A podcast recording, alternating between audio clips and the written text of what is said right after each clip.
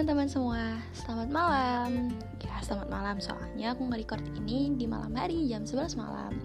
Sebenarnya ini gabut aja sih Kayak sebenarnya bentar lagi UTS Cuman ya gabutin-gabutin aja lah. Ya gak lah gak jelas pokoknya. Aku pengen ngomong random aja di sini Tanpa cut, tanpa script, tanpa teks Bukan tentang galau-galauan juga kayak ingin berbagi informasi aja sih ya walaupun gak penting-penting banget atau mungkin ini kalian bisa baca di mana aja tapi semoga bisa membantu kalian sedikit aja. Jadi di sini malam ini aku mau ngebahas tentang skill penting yang akan berguna seumur hidup kamu. Kalau kamu punya skill-skill ini ya semoga hidup kamu bisa berjalan lancar sih kayak semua urusan kamu gitu. Uh, maaf deh kalau misalnya kata-katanya agak berlibet-libet sering banget ngulang-ngulang. Soalnya ini pure banget aku bener-bener nggak sama sekali ada skrip atau teks. Jadi ini bener-bener kayak ya udah aku ngomong ngomong ya ngomong random aja sih. Tapi semua isinya tuh nggak random kok tenang aja. Jadi uh, aku baru dapat aja ilmu uh, aku pengen berbagi sama kalian. Dan semoga bisa kalian terapin juga di kehidupan kalian skill penting yang kalian tuh harus punya banget karena ini benar-benar berguna seumur hidup kalian. Dan kalau misalnya kalian belum punya itu sekarang atau cuma punya salah satu dari yang aku sebutin nanti nggak apa-apa. Secara bertahap proses kalian juga pasti nanti bisa mencapai skill itu. Tenang aja guys. Nggak ada kata terlambat untuk mencoba. Uh, jadi uh, yang langsung aja ya yang aku tahu informasi yang baru aku dapat skill penting yang harus kalian punya seumur hidup kak. Maksud aku skill penting yang harus kalian punya karena ini berguna untuk seumur hidup itu ada sembilan. Apa aja sih? Yang pertama itu ada mencintai diri sendiri. Yang kedua ada bertanggung jawab. Yang ketiga percaya diri. Yang keempat empati terhadap orang lain. Manajemen finansial manajemen waktu memaafkan orang orang lain maksud aku. Ya Allah maaf ya guys terus komunikasi dengan efektif dan yang pasti nih yang paling penting adalah jujur di mana pun dan kapan pun. Ya, kalian pasti ngerti lah kenapa jujur ini adalah uh, kayak komponen paling penting gitu. Langsung aja kita bahas satu persatu ya. Maaf kalau misalnya terlalu cepet dan maaf kalau kata-katanya terlalu berlibat-libat. Jadi yang pertama ada mencintai diri sendiri. Ya seperti yang kalian tahu seperti yang aku tahu seperti yang kita semua tahu kayaknya mencintai diri sendiri tuh udah kayak omongan yang ada di mana-mana gitu kayak ini tuh wajib banget. Dan mencintai diri sendiri tuh adalah komponen yang paling penting juga sih selain jujur kapan pun dan di mana pun. Dan yang itu pasti sih karena gimana kalian mau mencintai orang lain gimana kalian mau mencintai lingkungan kalian gimana kalian ingin mencintai hidup kalian kalau kalian aja gak cinta sama diri kalian sendiri gimana kalian mau senang sama orang lain kalau kalian ngebenci diri kalian sendiri? Jadi menurut aku sebelum kalian untuk uh, mencapai skill ini satu persatu yang harus banget kalian pertama kali capai itu yaitu mencintai diri sendiri. Karena dengan mencintai diri sendiri kalian bisa mulai menghargai diri sendiri. Setelah itu pasti kalian ada kemauan untuk menghargai orang lain, mencintai orang lain dan yang pastinya dengan cara yang benar gitu. Karena kalau misalnya kalian mencintai diri kalian sendiri dengan cara yang benar, kalian udah tahu, udah paham ini gimana sih mau mau mencintai orang lain gitu. Jadi uh, yang paling pertama, yang paling utama untuk uh, untuk mencapai skill-skill lainnya, ya kalian harus mencintai diri kalian sendiri dulu karena dengan mencintai diri sendiri kalian juga bisa menjaga diri kalian dan yang pastinya kalian ngejaga diri kalian itu uh, untuk terjauhkan dari hal-hal yang tidak diinginkan. Dan itu pasti berguna banget kan seumur hidup. Gitu guys. Terus yang kedua kita masuk ke poin kedua. Kira-kira ini kecepatan gak sih? Tapi ya udahlah ya nggak apa-apa. Nanti mungkin next time aku bisa benerin. Yang kedua ada bertanggung jawab. Hmm, bertanggung jawab. Bertanggung jawab ya udah pastilah harus banget gitu ketika kalian melakukan sesuatu kalian harus bisa menerima resikonya. Kalian harus bisa menanggung akibatnya. Ya jangan pernah kalian lari atau lepas tangan dengan hal-hal yang udah kalian pilih hal-hal yang udah kalian jalanin. Uh, jangan sampai kalian berhenti di tengah jalan gitu. Ketika kalian memutuskan sesuatu ya pasti kalian udah mikirin kan gimana gimana awalnya gimana akan ada endingnya dan kalian harus pikirin secara matang itu. Apa pun resikonya apa pun yang akan terjadi ke depannya kalian harus bisa menerima uh, ya menerima resiko itulah pokoknya. Kalian harus bisa bertanggung jawab. Entah itu bertanggung jawab atas diri sendiri atas keputusan yang kalian punya. Sebelum kalian mau bertanggung jawab untuk orang lain tuh ya kalian jawab tak maksud aku kalian tanggung jawab dulu deh untuk diri sendiri diri kalian sendiri aku rasa uh, kalian bisa tanggung jawab untuk orang lain. Apalagi nih untuk cowok-cowok. Nanti kan kalian akan berumah tangga dan kalian bakal ngebawa orang lain untuk masuk ke hidup kalian ngebawa anak orang lah istilahnya. Terus nanti belum lagi punya anak. Pasti kalian uh, akan jadi orang yang paling bertanggung jawab atas orang-orang tersebut yang kalian bawa masuk ke hidup kalian. Kayak istri kalian atau anak-anak kalian nantinya. Jadi bertanggung jawab itu memang benar-benar penting dan harus kalian punya sih. Harus kalian capai dan jangan sampai kelewatan. Gitu guys. Yang ketiga nih ada percaya diri. Hmm, ngomong-ngomong soal percaya diri zaman sekarang tuh kayaknya lagi tren-tren tentang insecure gak sih? Ya sebagai manusia yang normal menurut aku nih insecure itu tuh ya wajar sih maksud aku masih manusiawi lah. Siapa sih yang gak pernah insecure? Mungkin ada nih beberapa orang yang ngerasa aku cukup kok dengan keadaan aku yang sekarang dengan fisik aku yang sekarang yang nggak bikin dia jadi percaya diri.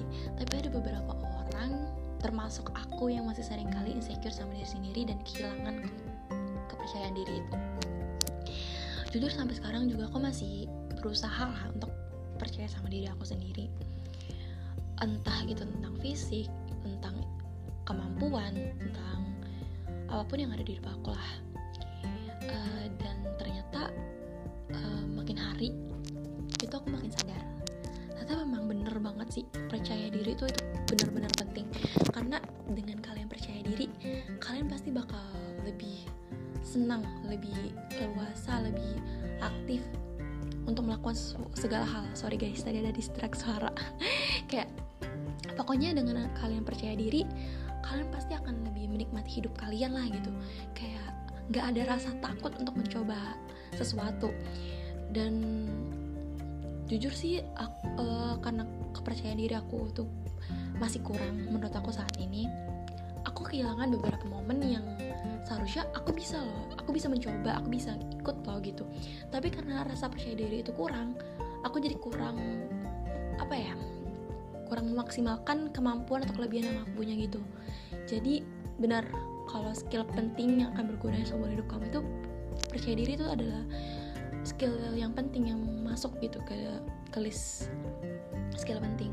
Karena ya bener uh, kalau kalian kurang percaya diri kalau kalian kehilangan kepercayaan diri kalian bakal kehilangan segalanya. Jadi mending selagi itu hal yang baik selagi itu hal yang positif selagi itu hal yang bermanfaat mending kalian keluarin seluruh kepercayaan diri kalian. Kita sama-sama belajar di sini jadi jangan pernah takut untuk mencoba guys. Oke? Okay? lanjut ke poin keempat. Poin selanjutnya yaitu empati terhadap orang lain. Nah selain kita mencintai diri sendiri selain kita bertanggung jawab selain kita percaya diri empati itu penting loh guys. Karena gini ya kayak kita semua tahu kalau misalnya manusia itu adalah makhluk hidup sosial. Makhluk hidup yang nggak bisa hidup sendirian. Makhluk hidup yang saling membutuhkan pertolongan saling membantu saling tolong menolong. Dan kalau misalnya kalian nggak punya empati atau kalian kayak sifatnya individualisme atau nggak pedulilah sama lingkungan kalian itu kalian mau jadi apa? Karena selain menghargai diri sendiri kalian juga bisa kalian juga harus bisa menghargai lingkungan kalian gitu. Empati terhadap orang lain. Memposisikan diri kalian di keadaan orang lain gitu. Kayak misalnya kita bisa nyoba dari hal-hal kecil gitu sih nggak selalu tentang materi. Kayak kalau empati berarti kita harus bantu secara materi itu enggak. Tapi kayak memposisikan diri aja kalau misalnya ada orang lain nih lagi sedih lagi terpuruk atau lagi butuh bantuan entah itu kata-kata atau barang gitu kalian harus bisa memposisikan enggak malah menyalahkan atau malah kayak menyudutkan gitu. Terlepas dari, dari dia itu benar atau salah kalian harus bisa memposisikan diri kayak kalau misal kalian gak bisa berkata baik kalian mending diem kalian mending dengerin ceritanya gitu. Itu udah termasuk ke salah satu bentuk empati sih kalau menurut aku. Karena di mana karena di saat seseorang membutuhkan tempat cerita dan kita bersedia untuk mendengarkan itu itu udah termasuk empati kalau menurut aku. Uh, empati itu mudah ya. Nggak selalu harus materi gak selalu tentang barang. Empati itu bisa berupa perhatian bisa berupa kepedulian. Jadi mulai dari sekarang nih untuk kalian yang menurutnya menurut kalian kalian tuh introvert uh, introvert kayaknya nggak nggak sih. Maksud aku bukan aku menyalahkan introvert itu nggak punya empati ya. Maksud aku mungkin uh, orang introvert itu kan kayak penyendiri. Jadi kayak kurang dekat kurang dekat ya. Kurang dekat sama lingkungannya. Jadi mulai sekarang uh, cobalah untuk memperhatikan orang-orang di sekeliling kalian cobalah untuk berempati terhadap mereka. Uh, coba untuk mendekatkan mendekatkan diri walaupun uh, yang kalian lakukan itu kayak nggak terlalu besar effortnya tapi bisa jadi untuk orang itu uh, hal yang kalian lakuin tuh hal sekecil apa pun yang kalian lakuin itu adalah hal yang berharga. Jadi benar-benar um, empati terhadap orang lain itu juga termasuk ke skill, skill penting yang nantinya akan berguna banget seumur hidup kita. Karena dengan empati kita bisa uh, bisa bersosialisasi dengan orang lain bisa mendekatkan orang-orang yang jauh dari kita. Terus dengan berempati juga kita dapat pelajaran gitu. Uh, pelajaran yang pastinya nanti berharga gitu kalau misalnya kita ketemu orang yang punya suatu masalah kita bisa memposisikan diri kita jadi kita tahu walaupun kita nggak ngerasain hal itu tapi kita tahu bagaimana posisinya bagaimana rasanya walaupun nggak 100% kita ngerasain tapi seenggaknya kita punya pelajaran atau pengalaman lah untuk dijadikan pelajaran ke depannya gitu Oke deh, kita langsung aja masuk ke poin kelima. Maaf ya kalau cepet banget. Ini 13 menit loh. 13 menit udah masuk ke poin kelima itu kayak kecepatan gak sih? Maaf ya kalau kecepatan. Oke, langsung kita masuk ke manajemen finansial. Kalau ngomongin finansial tuh kayak agak gimana gitu, kayak agak sensitif ya gak sih? Ya nggak tau deh. Tapi uh, menurut aku sih manajemen finansial itu tuh emang ini apa penting gitu karena suatu saat nanti kamu pasti akan ada di titik di mana kamu udah bisa mencapai seluruh apa yang kamu inginkan. Entah itu tentang materi entah itu tentang uh, mimpi kamu tentang impian cita-cita kamu. Pokoknya ada di nanti kalau kamu berusaha nih sebisa uh, maksud aku semampu kamu terus kamu bisa mencapai mimpi kamu tersebut ada di mana titik kamu bisa mendapatkan apa yang kamu mau apa pun itu uh, dengan segala yang kamu miliki. Uh, dan pernah gak sih kalian tuh dengar kalau misalnya uang itu bisa bikin kalian lupa akan segala hal gitu? Uh, menurut aku manajemen finansial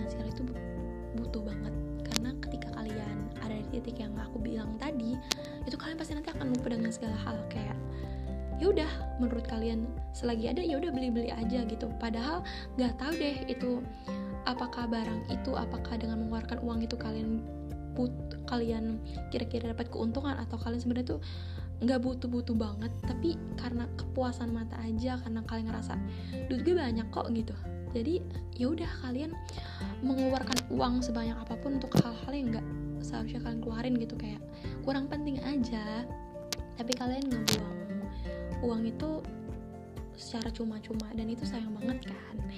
Kayak sebenarnya uang itu bisa loh untuk ditabung untuk keperluan kalian nantinya. Uh, nggak harus dikeluarin sekarang untuk hal-hal yang kalian gak senang. Mungkin sesekali boleh sih maksud aku sesekali boleh kok untuk nyenangin diri sendiri ya gak sih? Karena kan kalian kerja kalian dapat uang itu sel selain untuk nyenengin diri sendiri mau nyenengin siapa lagi selain orang tua gitu kan. Selagi belum punya keluarga. Tapi manajemen finansial harus harus kalian jalanin gitu. Kayak kalian harus bisa priori prioritasiin mana yang menurut kalian oh gue butuh nih jadi gue harus kayak prioritasin hal ini dulu gitu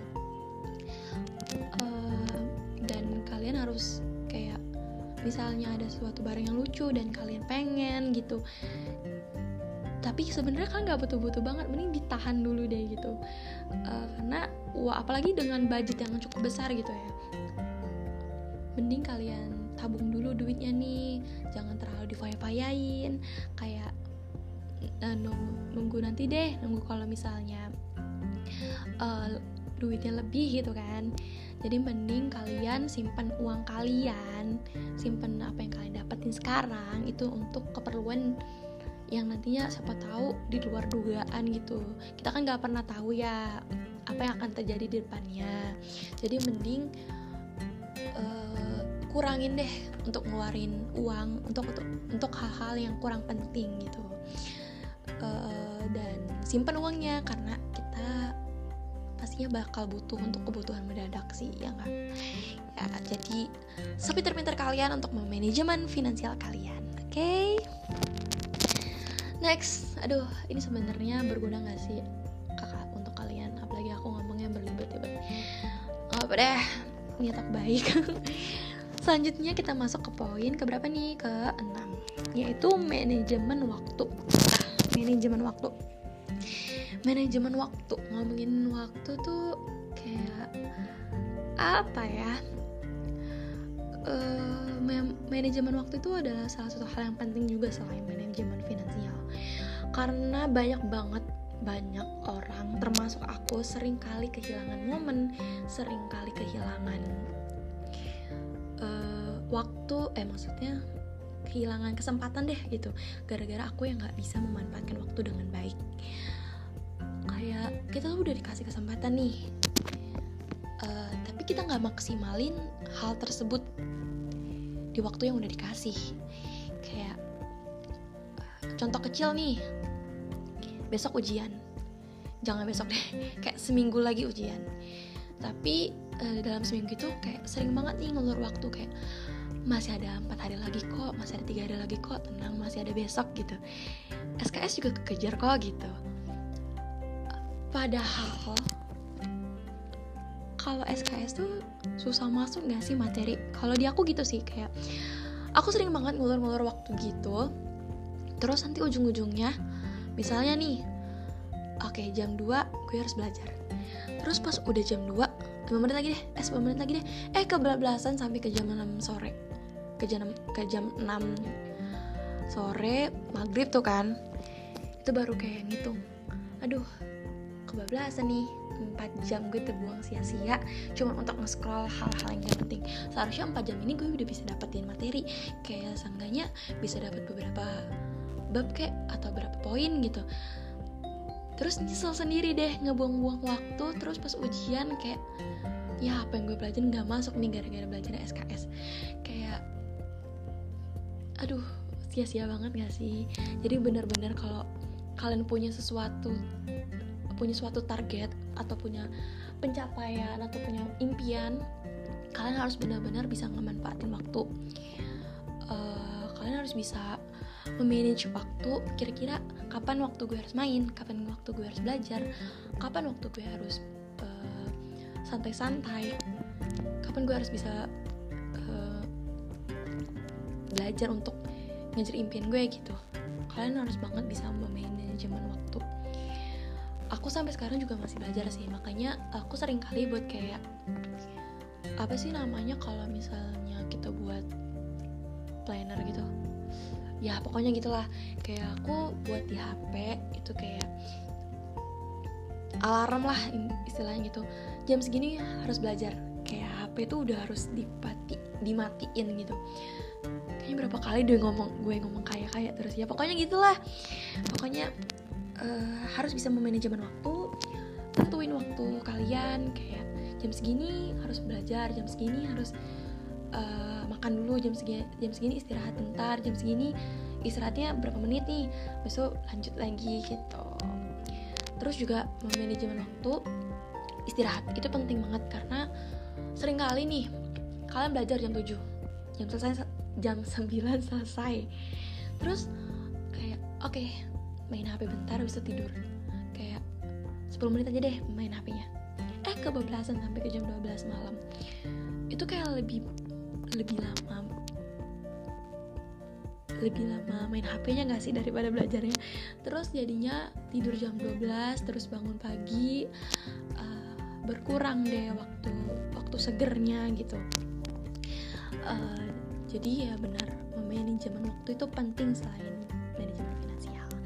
jadi semangat guys untuk mengatur waktu. Oke okay, kita masuk kayak ke poin ke berapa nih 7 oke okay, ke poin ke 7 memaafkan orang lain. Aduh ini poin yang menurut aku susah-susah gampang sih. Karena pernah gak sih kalian ngalamin ada di suatu titik di mana kalian tuh untuk maafin diri sendiri aja tuh kayaknya susah uh, atas segala kesalahan atas segala apa yang kalian berbuat atas segala keputusan yang terlalu cepat kalian ambil hingga membuat kalian tuh nyesal. Untuk maafin orang maksudnya untuk maafin diri sendiri aja tuh kayak nggak ikhlas gitu kayak kok keinget lagi kok ungkit lagi gitu kan. Gimana memaafin orang lain? Tapi uh, ya itu tadi kayak di poin pertama. Uh, dengan dengan maafin diri kalian sendiri kalian pasti bisa untuk maafin orang lain. Sebesar apa pun kesalahan orang lain mungkin kita harus bisa lebih ikhlas harus bisa lebih menerima atas segala apa yang telah terjadi. Karena uh, aku percaya apa pun yang terjadi sekarang apa pun yang udah aku lewatin itu terjadi pasti karena ada suatu alasan ada cerita ada hikmah ada pelajaran di balik itu semua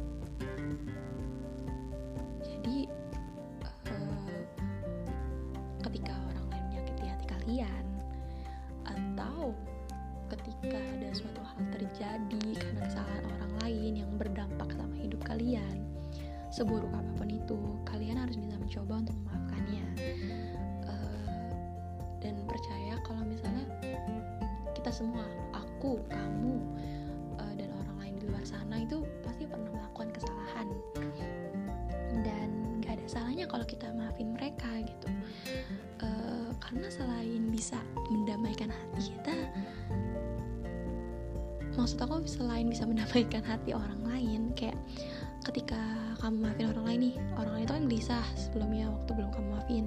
Terus pas kamu udah maafin dia jadi tenang. Hati kita tuh bakal ikut tenang juga karena uh, mengurangi musuh gitu nggak? Nggak maksudnya walaupun kita nggak nganggep orang tersebut musuh tapi seenggaknya hati kita tuh bakal lebih tenang gitu. Uh, kita nggak punya masalah lagi sama orang lain. Karena kita udah maafin mereka mereka juga udah maafin kita gitu. Jadi uh, harus bisa harus pandai lah untuk memaafkan orang lain. Uh, setiap orang itu pasti punya kesalahan punya kekurangan punya kelemahannya masing-masing. Dan kita harus bisa memaklumi itu. Uh, entah bagaimana posisinya posisi kalian setelah memaafkan orang itu entah kalian bakal ngejauh atau malah tambah ngedeket itu terserah kalian itu pilihan kalian. Tapi yang pasti kalian harus bisa berdamai dulu dengan diri sendiri dengan cara memaafkan orang tersebut. Gitu guys. Ya semangat. Kita pasti bisa kong. Maafin kesalahan orang lain maupun kesalahan diri sendiri. Uh, oke okay, tambahan sedikit. Ya itu tadi. Untuk maafin diri sendiri maksud aku untuk mencintai diri kalian sendiri kalian harus bisa memaafkan diri kalian sendiri diri kalian sendiri dulu. Kayak seluruh kesalahan yang udah kalian buat di masa lampau kalian harus maafin. Jangan lagi disesalkan karena ya udah yang berlalu jadiin pelajaran jangan sampai terulang lagi ke depannya. Mantap. Oke kita masuk ke poin ke-8 wow udah 25 menit nih. Semoga kalian gak bosan untuk dengerin ya. Oke kita kejar waktu ya komunikasi dengan efektif nah komunikasi itu penting kayak cara kita berhubungan, cara kita ngomong sama orang lain, cara bagaimana kita menyampaikan sesuatu kepada orang lain, eh, entah itu pendapat, opini, segala macem lah. Kita harus bisa uh, nyampainya dengan cara yang baik gitu. Uh, karena ketika kita bisa berkomunikasi dengan baik, ketika kita bisa berinteraksi dengan orang lain dengan baik, uh, hidup kita tuh bakal tenang gitu gak sih? Kayak lebih dipermudah aja semuanya. Ketika kita punya masalah kalau kita punya komunikasi yang baik kita bisa ngomonginnya secara baik-baik dan gak bakal ada nimbul masalah baru. Atau ketika kita lagi butuh sesuatu butuh pertolongan uh, kita bisa ngomong sama orang lain dengan cara komunikasi kita yang baik kita bakal terbantu dengan cepat gitu kan. Jadi benar sih komunikasi dengan efektif itu adalah skill yang penting yang bakal berguna banget buat hidup kamu. Uh, gimana caranya komunikasi dengan efektif tuh? Um, gimana ya? Sampai sekarang jujur aku masih kayak sering kali bahkan kalau presentasi di kelas itu aku sering kali berlibet-libet. Mungkin podcast ini juga hasilnya bakal berlibat-libat atau mengulang kata yang sama terus menerus uh, dan mungkin uh, nanti penyampaiannya agak kurang efektif ya. Cuman aku berusaha. Jadi banyakin aja ngomong. Kayak entah itu di depan cermin entah itu di bersa apa ngomong sama temen dekat kamu entah sama orang baru tapi jujur ya guys. Kalau ngomong sama strangers itu kayak lebih apa ya lebih enak aja gitu lebih lancar. Entah aku juga bingung kenapa apa mungkin karena stranger itu kan nggak kenal nih sama kita. Jadi kayak ya udahlah gue mau ngomong apa aja juga orang itu nggak tahu gue gitu kan. Tapi uh, mungkin kalian bisa belajar dulu nih dari kayak ngomong di depan cermin entah itu ngomong apa pun. Uh, terus ngomong mulai deh ngomong ke manusia. Bisa mulai dari ngomong dengan stranger dulu sih baru nanti kalian bisa praktek itu praktekin itu ke teman dekat kalian. Uh, minta pendapat gimana uh, cara komunikasi kalian. Apa kira-kira komunikasi gue tuh udah baik belum sih? Uh, kira-kira lo ngerti gak sih apa yang gue sampaikan selama ini gitu. Jadi uh, dengan begitu ketika kalian nantinya udah kerja atau ketika kalian keluar dari zona nyaman kalian ketemu orang baru uh, kalian bisa berkomunikasi dengan mereka dengan baik gitu.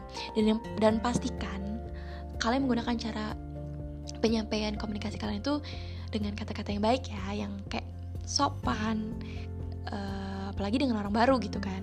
Karena ingat first impression orang itu sangat-sangat amat penting. Uh, kesan pertama ketemu tuh bakal keinget membekas gitu walaupun kalian udah berubah nih kelak. Tapi ingat first impression masih tetap bisa diingat gitu kan. Uh, kalau kalian punya cara komunikasi yang berbeda. Maksudnya ke teman dekat kalian kayak lebih kasar ya udah nggak apa-apa gitu. Asalkan hanya di zona itu. Ketika kalian ketemu orang baru atau uh, bertemu orang baru kalian harus bisa memposisikan diri sih gitu sih kalau menurut aku. Oke okay, kita masuk ke poin terakhir. Poin yang kata aku tadi paling penting. Jujur di mana pun dan kapan pun. Ya iyalah gimana orang mau percaya kalau misalnya kayak lo tuh udah terkenal dengan omdonya terkenal dengan kata-kata apa ya terkenal dengan ah si Ama suka bohong gak usah dipercaya. Padahal lo bohong tuh kayak cuman sekali dua kali gitu.